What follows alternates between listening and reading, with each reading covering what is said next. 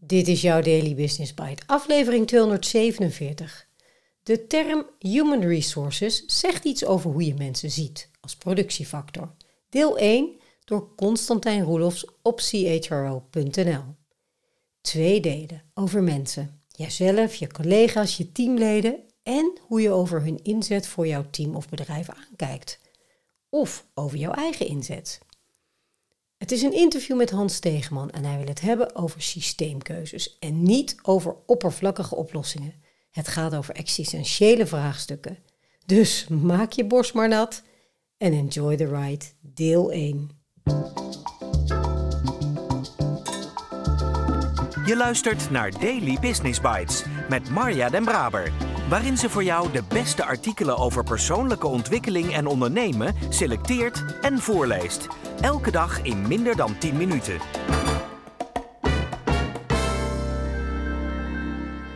Hij wil het hebben over systeemkeuzes, niet over shallow solutions. We hebben het te vaak over symptomen in plaats van oorzaken. Daarbij mag alles ter discussie worden gesteld. Niet in de laatste plaats de manier waarop we over werk praten. Een interview met hoofdeconoom Triodos Bank Hans Stegeman. Een kleine waarschuwing vooraf. Het volgende interview bevat existentiële vragen, filosofie en macro-economische thema's. We spreken namelijk Hans Stegeman, hoofdeconoom bij de Triodos Bank. Het is de taak van de hoofdeconoom om huidige trends in de economie en de economische wetenschappen om te zetten in voorspellingen voor de komende paar jaar. Die voorspellingen worden gebruikt bij investeringsbeslissingen of het optuigen van financiële elementen en producten. Ze staan dus met één been in de wereld van fundamentele economische denkers als Karl Marx, John Maynard Keynes of een modern voorbeeld, Kate Raworth en Mariana Mazzucato, waar arbeid en kapitaal nog met een hoofdletter worden geschreven en met het andere been staan ze in de dagelijkse bankierspraktijk. Dat leidt tot een wonderlijke combinatie van filosofische inzichten met praktische toepassingen. Eén stelling die nu rondzinkt onder economische denkers en waar Stegeman de CHRO-community mee wil prikkelen, is dat we in de toekomst vooral heel erg veel minder gaan werken. De economie van de toekomst is namelijk niet langer op groei gericht, maar op welzijn. En dus gaan we gewoon heel veel bullshitbanen niet meer doen. Verdelen we de welvaart en de arbeid eerlijker en houden we met z'n allen meer tijd over voor vrienden en familie. Als dat allemaal vrij fundamenteel overkomt, dan klopt dat. Stegeman wil het niet hebben over een feedbacksessietje extra hier of een retentieprogrammaatje daar, maar fundamenteel de manier waarop de samenleving nadenkt over werk veranderen. Ik wil het hebben over systeemkeuzes, niet over shallow solutions. We hebben het te vaak over de symptomen in plaats van de oorzaken. Daarbij mag alles ter discussie worden gesteld en niet in de laatste plaats de manier waarop we over werk praten. Ik heb een hekel aan de term human resources.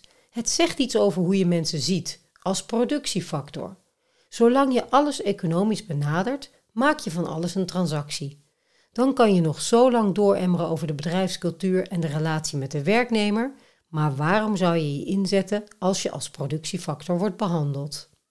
We moeten onszelf volgens Stegeman dus afvragen waarom we eigenlijk werken en welke plaats werk inneemt in ons complexe economische systeem. We moeten ons afvragen wat is de functie van de arbeidsmarkt? Is het een manier om welvaart te verdelen of de manier om werk te verdelen? Op dit moment is de arbeidsmarkt vooral een herverdelingsmechanisme, waarin volgens Stegeman arbeid wordt ingeruild voor kapitaal. Als dat niet goed plaatsvindt, hebben we groei nodig om iedereen aan het werk te krijgen. En ja, er zijn op het moment inderdaad signalen dat die verdeling van welvaart en arbeid nogal uit het lood is. Iedereen is al aan het werk, maar er zijn heel veel mensen die niet rond kunnen komen. Dat vraagt om een herontwerp. Kortom, we hebben als samenleving te veel banen voor onnodige en niet duurzame groei, te veel bullshitbanen om die groei op een scheve manier te verdelen en er zijn te grote verschillen tussen de race to the bottom aan de onderkant en de naar de hemel groeiende beloningen aan de top. Om deze complexe puzzel op te lossen is er natuurlijk een breed spectrum aan politieke en culturele veranderingen nodig. Maar als we het probleem beperken tot de praktijk van de C-suite, dan komt het er toch vooral op neer dat de bestuurders goed breder kijken naar hun activiteiten en de inzet van hun personeel door een wat minder kapitalistische bril op te zetten. Ik heb niets tegen markten en transacties, maar alles interpreteren vanuit die blik werkt wel heel beperkend.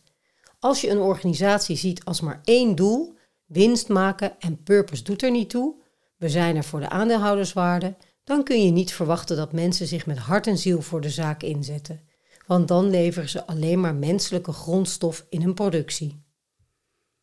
Daarom moet er dus vanuit HR bij het opstellen en uitvoeren van functies niet sec naar de financiële impact gekeken worden. De HR-directeur moet denken: is dit nou nuttig wat deze persoon aan het doen is? Dat vraagt om een strakke formulering van impactdoelstellingen op bedrijfsniveau. Als je als bedrijf geen purpose hebt, kun je die afweging niet maken. Als je alleen groeidoelstelling hebt, dan vinden de aandeelhouders of de bazen dat leuk, maar kom je nooit op de vraag of iemand nuttig bezig is. De opdracht is dus vooral om werknemers vooral niet te zien als human resource, om zoveel mogelijk winst uit te persen, maar als mensen om een positieve bijdrage aan de maatschappij mee te leveren. Daily Business Bites met Marja Den Braber.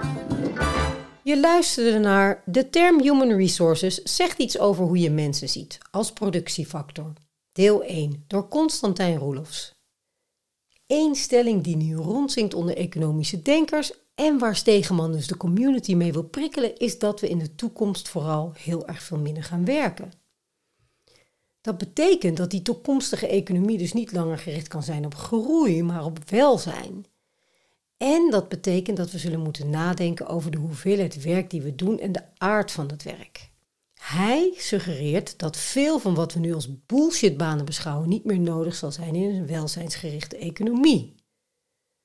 Dat impliceert dat we welvaart en arbeid dus eerlijker moeten gaan verdelen en meer tijd moeten vrijmaken voor vrienden en familie. Het klinkt heerlijk toch?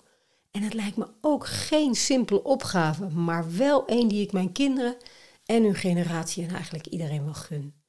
En als het niet zo simpel is, dan kijk ik graag naar een kleine stap die het wel simpel kan maken. Want die is er namelijk altijd. En Stegeman stelt een vraag voor. Is het nou nuttig wat ik aan het doen ben? Ik zou daar een open vraag van maken en deze vraag deze maandag jezelf en jouw teamleden stellen. Hoe nuttig is het wat ik vandaag of deze week aan het doen ben? Nieuwsgierig als altijd naar de antwoorden die je hoort. Morgen deel 2 en dan spreek ik je ook graag weer.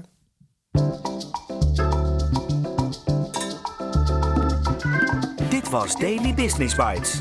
Wil je vaker voorgelezen worden? Abonneer je dan op de podcast in je favoriete podcast-app. Meer weten? Klik op de links in de show notes.